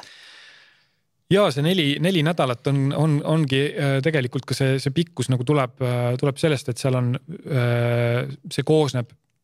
mitmest töötoast, mille vahel on ka omajagu puhvrit nii seedimiseks ja setitamiseks kui ka, kui ka kodutööks. aga kõige, kõige lihtsamalt või linnulennult vaadates me tegelikult nagu käimegi seal äh, tavaliselt ettevõttega läbi needsamad positsioneerimisega seotud küsimused. et selgeks teha, et kas me saame kõik ühtemoodi aru ja mitte, et kas mina saan õigesti ettevõttest aru, vaid kas ettevõtte sees inimesed saavad õigesti ja ühtemoodi aru sellest, et kelle jaoks millist probleemi me lahendame see, ma arvan, on üks kõige nagu väärtuslikumaid osasid ka ehk sellest, et, et nende sõnade leidmine on mõnes mõttes juba selline nagu tehnilisem töö või, või noh, ütleme selline töö, mida ma saan osalt võtta siis nii-öelda juba enda, endale koju tegemiseks ja siis edasi põrgatada seda tiimiga, kuni me tunneme, et me oleme leidnud selle õige sõnastuse. aga et, et äh, meeskond, kellest tavaliselt äh, noh, tavaliselt on seal tegevjuht või asutajad äh, sees, et ilma nendeta seda teha on minu jaoks. Äh, no enamikel juhtudel mõeldamatu äh, et nad, nad, nad lihtsalt mängivad niivõrd suurt rolli selle, selle juures, et, et selliseid nagu nii-öelda variosalejaid ei ole kunagi sellistes protsessides mõttekas nagu mõttekas tekitada, et keegi, keda tegelikult ei ole ruumis, aga kelle tegelikult, kelle arvamus tegelikult mängib kõige rohkem rolli. või, või mängib mingit rolli nii et jah, kõik, kes tegelikult päriselt nagu mõjutavad seda, mismoodi me ettevõtet või teenust või toodet nagu tahame väljapoole näidata või kellele me kasulikud oleme, et kõik nad peaksid olema seal ühes toas koos. ja, ja tõesti see, see inimeste omavahelise suhtluse sellest, sellest tõusev väärtus on, on, on noh, on, on peaaegu et sama oluline või olulisemgi kui, kui see, et need ilusad sõnad sinna taha saab, äh, saab leitud. ja see on, see on tavaliselt siis selle nelja nädala puhul selle esimese nädala teema, et kõik need olulised inimesed oleksid ühes ruumis vähemalt pooleks päevaks koos. et, äh, et mina saaksin äh, teha mm, sellel hetkel rohkem selliseid, ütleme nagu küsimuse küsimise mängu. erinevaid selliseid noh, loovust avavaid harjutusi või siis lihtsalt äh, kõndida seda nii-öelda positsioneerimiseks oluliste küsimuste äh, jada mööda edasi ja, ja igas momendis kontrollida, et kas me oleme nüüd jälle nagu ikkagi ühe pildi peal kõik või keegi on kuskile minema jalutanud. et, et sealt sellest, see esimene nädal on kindlasti kõige olulisem sealt edasi hakkab juba selline nagu pingpongi mäng pihta, et, et me. et, et, et me võtame selle sisendi info või mina võtan selle sisendi info ja siis peegeldan omakorda tagasi ja siis, ja siis lõpuks me viimasel nädalal tegeleme seal, ütleme siis juba juurutamise ja rakendamise küsimustega, sest et väga vähe kasu on sellest, kui toota mingisugune ilus PowerPoint või dok kuskile kellelegi sahtlisse valmis, mille nimi on positsioneering ja sõnum ja, ja siis äh, mitte keegi seda ei kasuta, turundustiim ei tea üldse selline, selline asi olemas on, müük ei tea ka, et selline asi, neil on enda müügitekid, millega nad käivad ringi. ettevõtte juht teeb ka ikka, paneb oma vana PowerPointi edasi et, et selle, sellisel juhul on see töö tulutu Äh, ainult siis, kui me lõpuks võtame ka kõik osapooled võtavad endale konkreetse kohustuse, et mis minu töös nüüd täna muutub äh, selle dokumendi või selle, selle tulemusega seonduvalt, mida ma nüüd teistmoodi teen. Äh, alles siis hakkab see päriselt tööle mm. -hmm. Jah, sinna sahtlisse on neid strateegiaid kirjutatud küll. ja sahtlid on täis neid strateegiaid, aga seal, see, see ei ole nagu jah, ma ei tunne, et ma tahaksin ka iseenda isiklikku mm -hmm. aega selle alla panna, et midagi sahtlisse toota. tahaks ju näha, kuidas see päriselus tööle hakkab. just. sa aitad ettevõtetel luua sellist asja nagu message house dokument, mis asi see on ja miks seda vaja on? ja see on üks äh, tegelikult ka selle Äh, selle, selle protsessi, selle, selle sõnumisprindi üks väljundeid või tulemusi. ja see, mm, äh, see, mm, see mudel ei ole sugugi üldse minu leiutatud, see on seda nii valitsussuhetes kui, kui, kui avalikes suhetes või PR-is juba, juba aastakümneid kasutatud. mida see tähendab lihtsalt, et see on üks selline nagu visuaalne metafoor, äh, noh, maja et, äh, et panna tähtsuse järjekorda need sõnumid, mida me majast välja siis jah, mida me tahame välismaailmale kommunikeerida. et selle maja katuse moodustab see üks võimalikult kontsentreeritud sisutihe ja, ja, ja asjalik äh, lause, kuidas me oma ettevõtte või selle organisatsiooni olemuse üleüldse kokku võtame, mida me siis teeme ja kellele. selle maja sellised seinad moodustavad toetavad sõnumid, kus meil on võimalik kas sihtrühmapõhiselt või mingisuguse sellise muu, ütleme siis, ütleme siis mingitesse meie argumentidesse rohkem sisse minnes natuke rohkem lahti seletada. et, et, et mis see on, mida me täpsemalt teeme ja selle maja vundamendi moodustavad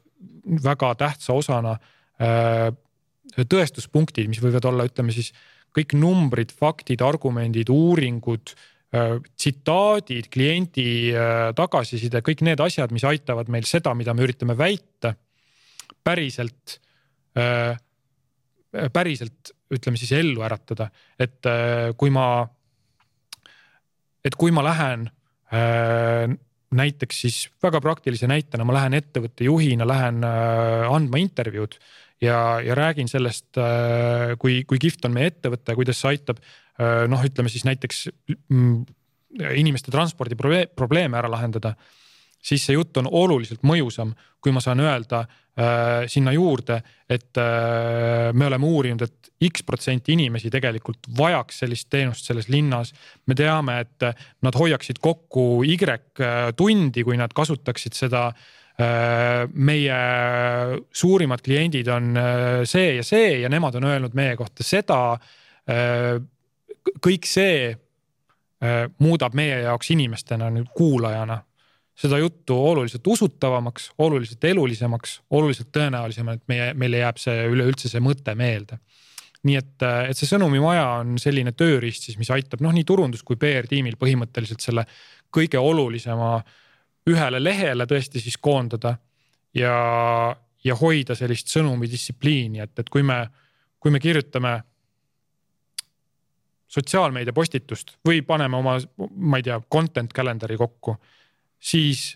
siis ma tean, et ma lähen vaatan tegelikult sinna sõnumi majja ka, et, et need on need asjad, millest me peaksime rääkima. küll kindlasti seitsmekümnel erineval viisil. aga kui ma tahan kirjutada midagi nüüd selles oma uues postituses, mul tuli jube hea mõte, ma tahan kirjutada sellest. aga see ei lähe nagu meie sõnumitega kokku, siis on väga nagu ma arvan, suur küsimus, et kas ma peaksin sellest nüüd kirjutama või kui ma tunnen, et tõesti peaks, siis mis on muutunud, miks, kas meie, kas meie, kas märkamatult on nagu kuidagi see rõhk meie sõnumites liikunud kuskile mujale või et kas ma peaksin nagu, kas see annab millestki märku, et mingisugune, mingisugune muu muutus on toimumas. aga kõige noh, ütleme kõige tõenäolisemalt ma ikkagi äh, kõige tõenäolisemalt mu, mu mõte oli tore, aga tegelikult ta ei lähe lihtsalt meie teemasse jah, ja selle asemel võib öelda midagi muud selle asemel võib öelda midagi muud, võimalusi öelda nagu võimalusi neid sõnumeid nende samade, samade tõestuspunktide abil ja kõige muu abil ellu äratada on noh, on, on miljoneid ja, ja ei. ei jää kindlasti kunagi noh, loovuse jaoks piirang on äh, ainult selline nagu jõustav vahend, et, et paned mõned piirid ja siis nendes, nendes raamides me saame oma loovuse alati valla lasta mis on selle neljanädalase sprindi peamiselt kõige raskemad kohad ettevõtetele? kus sa näed, et noh, jälle me siin komistame ja kuidagi pidur on ja raske nagu üle saada mingist kännust? ja eks, eks need kõige raskemad kohad tavaliselt äh, äh, on ikkagi selles samas alguse faasis, kus, kus me räägime positsioneeringust. ja, ja kus on, kus võib olla väga raske lahti lasta soovist olla hästi paljude erinevate inimeste jaoks hästi väärtuslik ja loomulikult ongi teenuseid, mis ongi massidele mõeldud ja, ja ongi väga paljude jaoks väärtuslikud äh,. aga, aga tõenäoliselt see ei ole nii iga äh, ettevõtte jaoks kohe. et äh, see selline nagu harvendamistöö, et me tegelikult kõikidest nendest seitsmeteistkümnest asjast, mida me tahaksime enda kohta väita, miks me ägedad oleme, peaksime välja valima kolm on ilmselt üks, üks valusamaid ja seal võivad ju täiesti vabalt mängu tulla sellised isiklikud eelistused või, või, või mingisugused sellised noh, väikest viisi poliitika, et ma tegelikult nagu tean näiteks äh, tootejuhina ma tean, et nagu need on ikka nagu need kõige olulisemad asjad ja ka turundaja ütleb, et aga et need tegelikult nendest asjadest me üldse nagu see, see üldse ei lenda, et me räägime rohkem nendest teistest asjadest ja need asjad on olulisemad ja. ja siis kõik vaatavad veel ühel hetkel tegevjuhi otsa, et mida tema ütleb ja et, et see mm, see nagu kiusatus äh, ikkagi nagu noh, kolm noh, seitsmeteistkümnest nagu teha mitte kolm, vaid ikkagi äkki äkki üheksaga kuidagi nagu tuleme toime. et noh, et see on nagu, äh, see on see peamine väljakutse ehk siis ja, ja noh, oluline on, ma arvan, seal kõikidel selles hetkes aru saada, et see et see sõnumi kohalejõudmise tõenäosus hakkab eksponentsiaalselt kukkuma sealt kuskilt kolmandast-neljandast heast asjast nagu äh, alates. Et selleks hetkeks, kui me tahame juba öelda kuute erinevat väga ägedat asja, siis meil tõenäoliselt ei ole enam isegi ressurssi, et seda teha. Äh, et, et suuta tulistada välja nii paljusid erinevaid sõnumeid oma, oma ettevõtte kohta, kui me kui meil äh, niikuinii on üks, üks õnnetu turundusinimene, kes peab seda kõike siis tegema hakkama. ja, ja, ja leidma kuidagi nende asjade vahel tasakaalu, et et see, mm, see selline armutu prioritiseerimine on ehk see peamine väljakutse kuidas, mul on, ma olen ise tihti sama probleemis, kuidas ikkagi välja praakida või kuidas enda peas öelda, et davai, paneme, võt-, lükkame selle nüüd kõrvale ja las ta jääb sinna, et on sul mingeid nõuandeid? no ma, ma lahendan seda tihtipeale selliste üsna nagu banaalsete meetoditega, näiteks sunnin inimesi äh, hääletama oma lemmikute poolt et äh, ja annan neile võimaluse ainult kahe poolt näiteks hääletada. Et noh, üks on võib-olla nagu noh, oleneb sellest, kui palju nagu valikuid ees laua peal on, et, et, et siis mõnikord võib eriti armutult ka nagu tõmmata kohe joone kuskile vahele. Äh, aga, aga, aga jah, mingisuguse sellise mm, mingi kriteeriumi alusel paluda nagu harvendada inimestele endile, et ütle nüüd tõesti kaks kõige olulisemat siit. see üldiselt aitab nagu vähemalt, äh, vähemalt noh, suure osa sellest nimekirjast ikkagi sealt nagu välja praakida, mis, mis on ühel hetkel tundunud nii olulised, nii olulised. ei välista seda, et nagu ühes äh, mingisuguses hilisemas protsessi osas keegi ei ürita nagu hiilida tagasi oma asjaga nagu, et sokutada seda sinna ikkagi kuidagi vahele Äh, aga noh, eks see mõnikord on see õigustatud ja käib asja juurde, aga mõnikord õnnestub see siis ikkagi nagu äh, tagasi, tagasi lükata see ka. Ähm, nii et, äh, et ja kuna töötoa, töötoad on selline vahva formaat, kus me nagu täiskasvanud inimestena tuleme nagu ühte tuppa kokku ja me oleme kokku leppinud, et üks inimene on mängujuht. et, et siis selle mängujuhile allumine nagu enamikes gruppides tuleb ikkagi päris hästi välja. et, et see näiline võim, mis, mis, mis on, mis on ühel inimesel siis, kes ütleb, et nüüd te võite valida ainult kaks ja meie kõik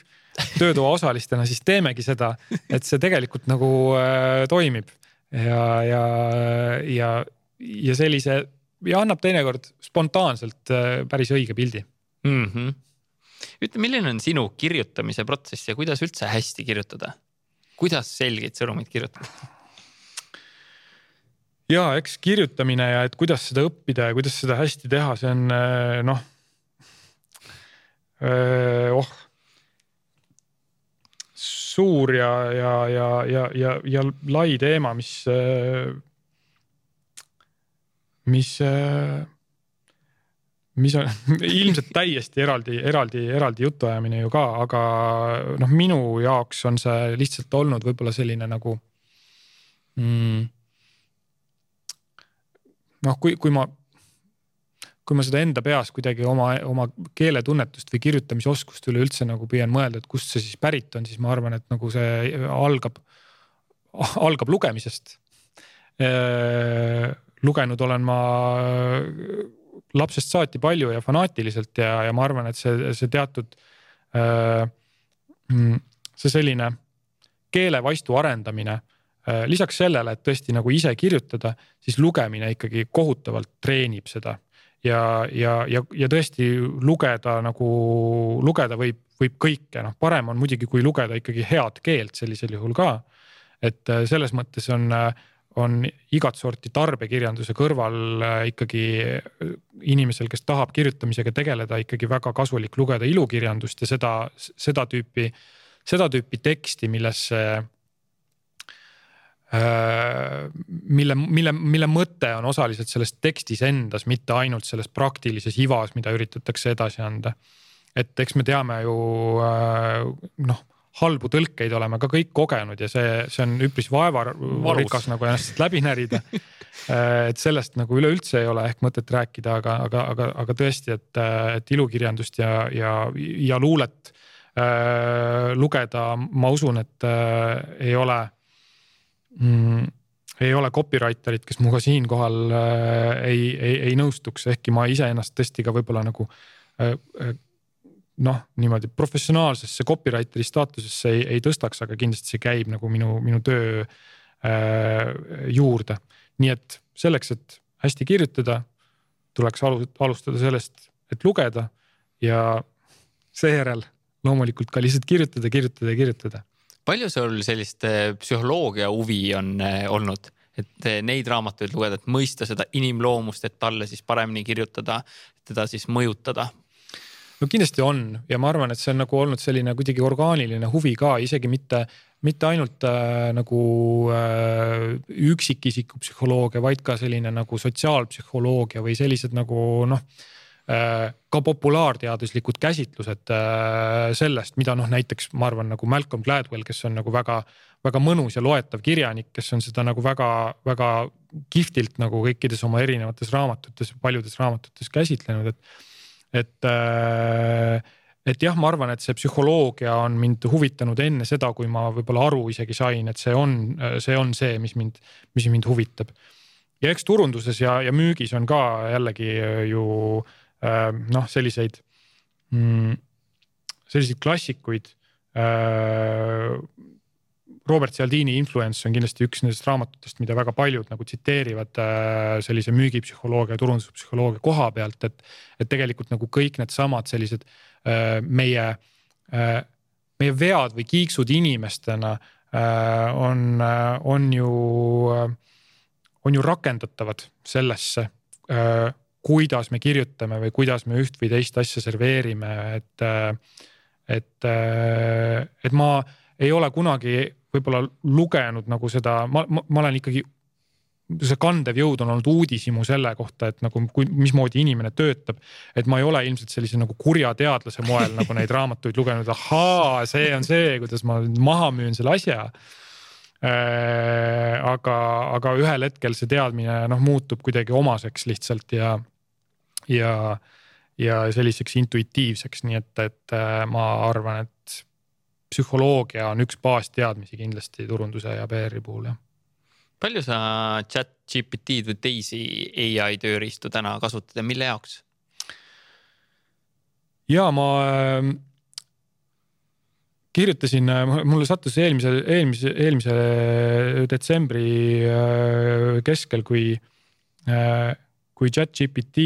just parajasti väga suure pauguga launch'is ja maailma meedia seda täis oli, siis ma just sellel hetkel olin kirjutanud äh,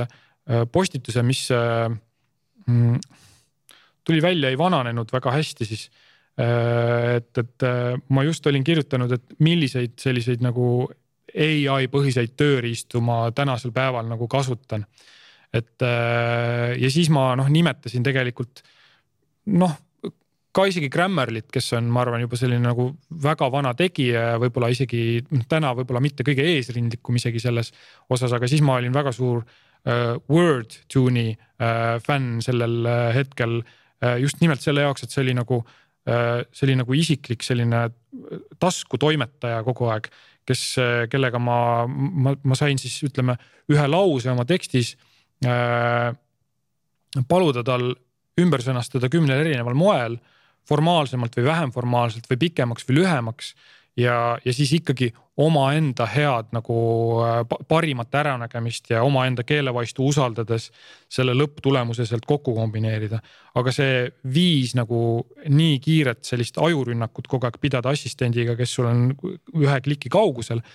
see, selle võlust ma olin nagu selleks hetkeks juba, juba, juba, juba teadlik ja eks eks ähm, neid äh, GPT varasematel versioonidel põhinevaid äh,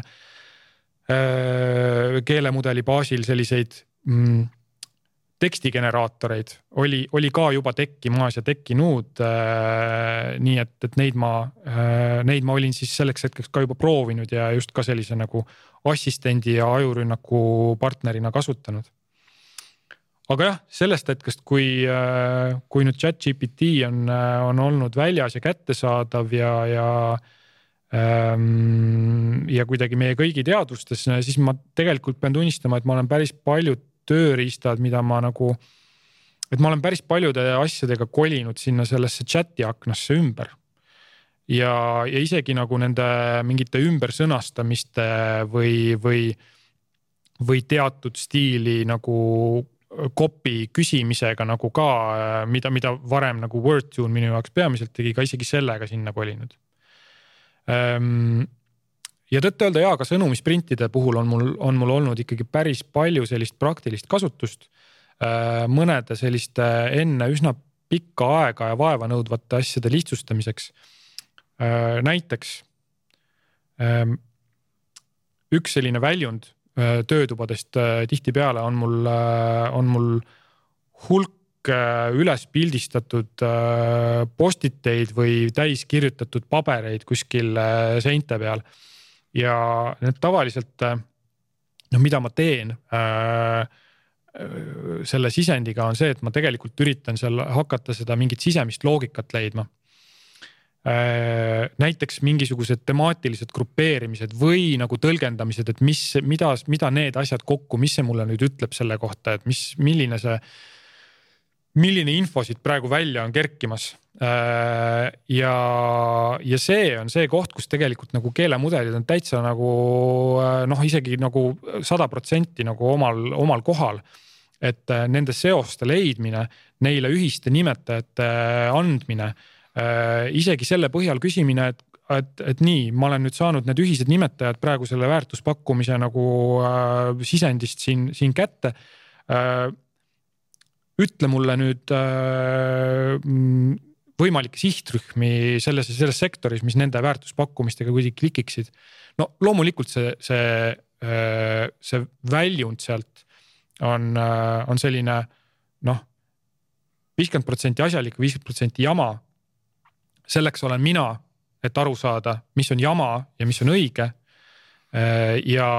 äh, ja lihtsalt see äh, kiirus, eriti üksi töötades, see võimalus nagu peegeldada kuidagi masinaga ja saada, saada sealt päriselt sellist kasutatavat, kasutatavat tagasisidet, see on jah, päris kiiresti nagu minu igapäevase tööprotsessi osaks saanud kas see chat GPT võtab copywriter'i töö ära, mis sa arvad kogu sellest vallast? noh äh,, ma arvan, et see aitab halval copywriter'il olla veidike parem copywriter. ja heal copywriter'il aitab ta väga palju asju rohkem tehtud saada sama ajaühiku sees. aga see, mis on minu kogemus, on ja noh, ütleme ka võib-olla olemuslikult sellest noh, keelemudelite loogikast nagu tulenevalt, et et ma tingimata ei leia sealt nüüd alati sellist originaalsust, mis on, mis on, mis on noh, mis on see, mida, mida me copywriter'i rollis nagu taga ajame. Äh, tihti on võimalik seda originaalsust esile kutsuda läbi selle, et ma tegelikult ise jälle ikkagi selles ülesande püstituses palun leida selliseid seoseid või näiteks noh, seostadagi jah, mingisuguseid selliseid asju, mille peale noh äh, mille, mille tulemus võib olla selline, et ma saan seda juba kasutada ja selles on see originaalsuse alge olemas aga siin me räägime juba ikkagi nagu sellest nii-öelda nagu osavast prompt'i kirjutamisest selle GPT jaoks ka. et, et, et mõelda, et ta ise noh, kõik, ma arvan, kes on nagu proovinud seda, et kirjuta sellele firmale nüüd nagu mingi slogan või reklaamlause, noh, need on nagu kogenud seda, kui,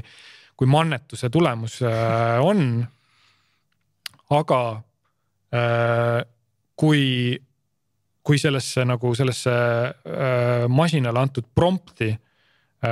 panustada piisavalt kavalalt, siis on võimalik enda jaoks tööd lihtsamaks teha ja, ja, ja, ja, ja tõesti saada midagi huvitavat. jälgid sa ise mingeid äh, kursuseid, kuidas neid prompte paremini kirjutada või see on sihuke katse-eksitusmeetod sinu jaoks olnud? eks ma mingisuguseid meetodeid olen nagu kõrva taha pannud, on üsna raske on nagu mööda kuidagi äh, saada sellest, kuna prompt'i eksperte nagu on ju ka uksest ja aknast praegu tuleb sisse ja, ja ma ei, mõned feed'id ainult sellest koosnevadki, et kuidas, mis, mis, mis on äh, kuidagi see tänase päeva kõige ägedam prompt jälle. et äh, et on mingid asjad, mille puhul ma lihtsalt olen pidanud ise välja nuputama, kuna ma ei ole leidnud, et keegi täpselt sama asja tahaks saada nagu mina. Äh, küll aga näiteks noh, soovitusi, et kuidas, kuidas, kuidas näiteks edukalt panna chat GPT äh, mulle äh, mingisugust mulle tundmatut valdkonda selgeks õpetama või kuidas kuidas ma näiteks võiksin temaga pidada sellist nagu mm, noh, näiteks äh, karjäärinõustaja tüüpi vestlust näiteks või mingisuguseid probleeme nagu läbi, läbi hekseldada, et ta küsib mult küsimusi senikaua, kuni ma tunnen, et ma olen ise selle vastuse leidnud. selline coach imise tüüpi nagu asi. et äh, see jah, olen, olen leidnud päris huvitavaid prompte, mille peale ma ise ehk ei oleks tulnud mm. -hmm ütle, mis on eh, mingid teadmised või põhimõtted, mida sa tahaksid veel kuulajatele-vaatajatele kaasa anda, aga ma ise ei küsinud selle kohta? jah, kuna ma võib-olla nagu päris alguses ka rääkisin sellest, et, et see tööriistakast on see, millest me kõik alustame või see käsitöö ja, ja teostus on see, millest me kõik alustame ja võib-olla ühel hetkel nagu liigume, liigume sinna, kus me saame juba nagu strateegilist nõu anda ka. et, et siis mulle meeldib äh, üks, üks tarkus, mille ma Wise'ist äh, võib-olla kaasa haarasin ja, ja, ja olen selle hiljem mingisse omasse kastmesse võib-olla pannud, aga äh,. aga, aga mõte, et küsida, küsida endalt aeg-ajalt näiteks mingit ülesannet saades või mingisuguse sellise olulise tööalase arutelu keskel, et mis see probleem on, mida me siin lahendame see on üks, see on üks päris kaval küsimus, sellepärast et me väga tihti nagu see küsimus aitab paljastada seda, et me oleme ammu nagu liikunud edasi mingisuguste teostuslike detailide juurde või mõtleme nagu välja ägedaid viise, kuidas midagi teha. aga tegelikult oleme ära unustanud,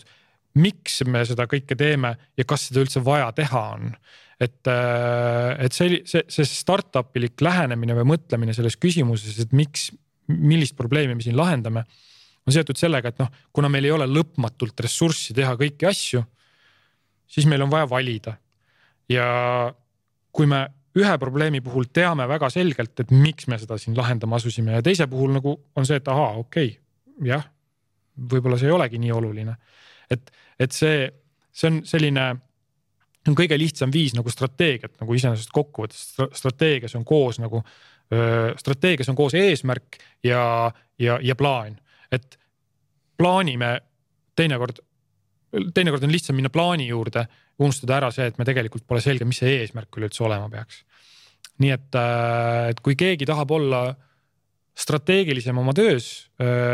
olgu üksi või koos tiimiga, tahab, tahab tiimi ees võib-olla nagu tark välja näha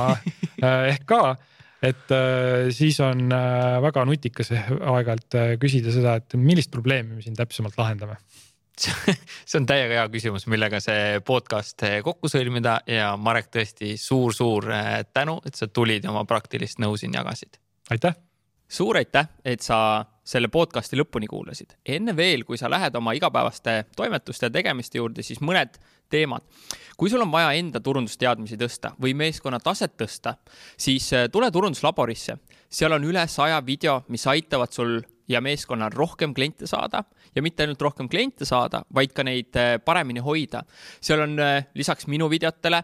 üle kahekümne teise eksperdi video ja soodsa kuutasu eest saad kogu sellele materjalile kohe ligi. lisaks on seal koostegemise päevad, küsimused-vastused, kõned ja foorum, mis aitavad sind edasi, kui sul on mingid küsimused, tõrked või takistused. nii et tule kindlasti turunduslaborisse teine asi on see, et kui sul on vaja korralikult töötavat veebilehte, mis oleks kui müügimees ja aitaks sul paremini eksporti teha või siis siin koduturul paremini müüki teha, siis äh, tule uuri lavi.ee. see on meie digiagentuur ja sealt sa leiad ka siis äh, erinevaid äh, sisekoolitusi, konsultatsioone, mida me teeme, strateegiaid, mida me kokku paneme. nii et kui sul on abi vaja, siis tule uuri ja võib-olla me saame sind aidata.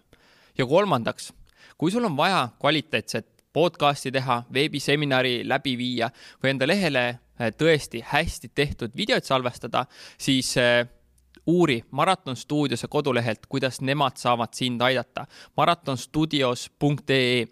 ja samamoodi äh, on nemad kogu turunduslabori loomise taga, kogu sellesama podcast'i on nad aidanud mul luua ja koos me tegime ka Eesti kõige suuremad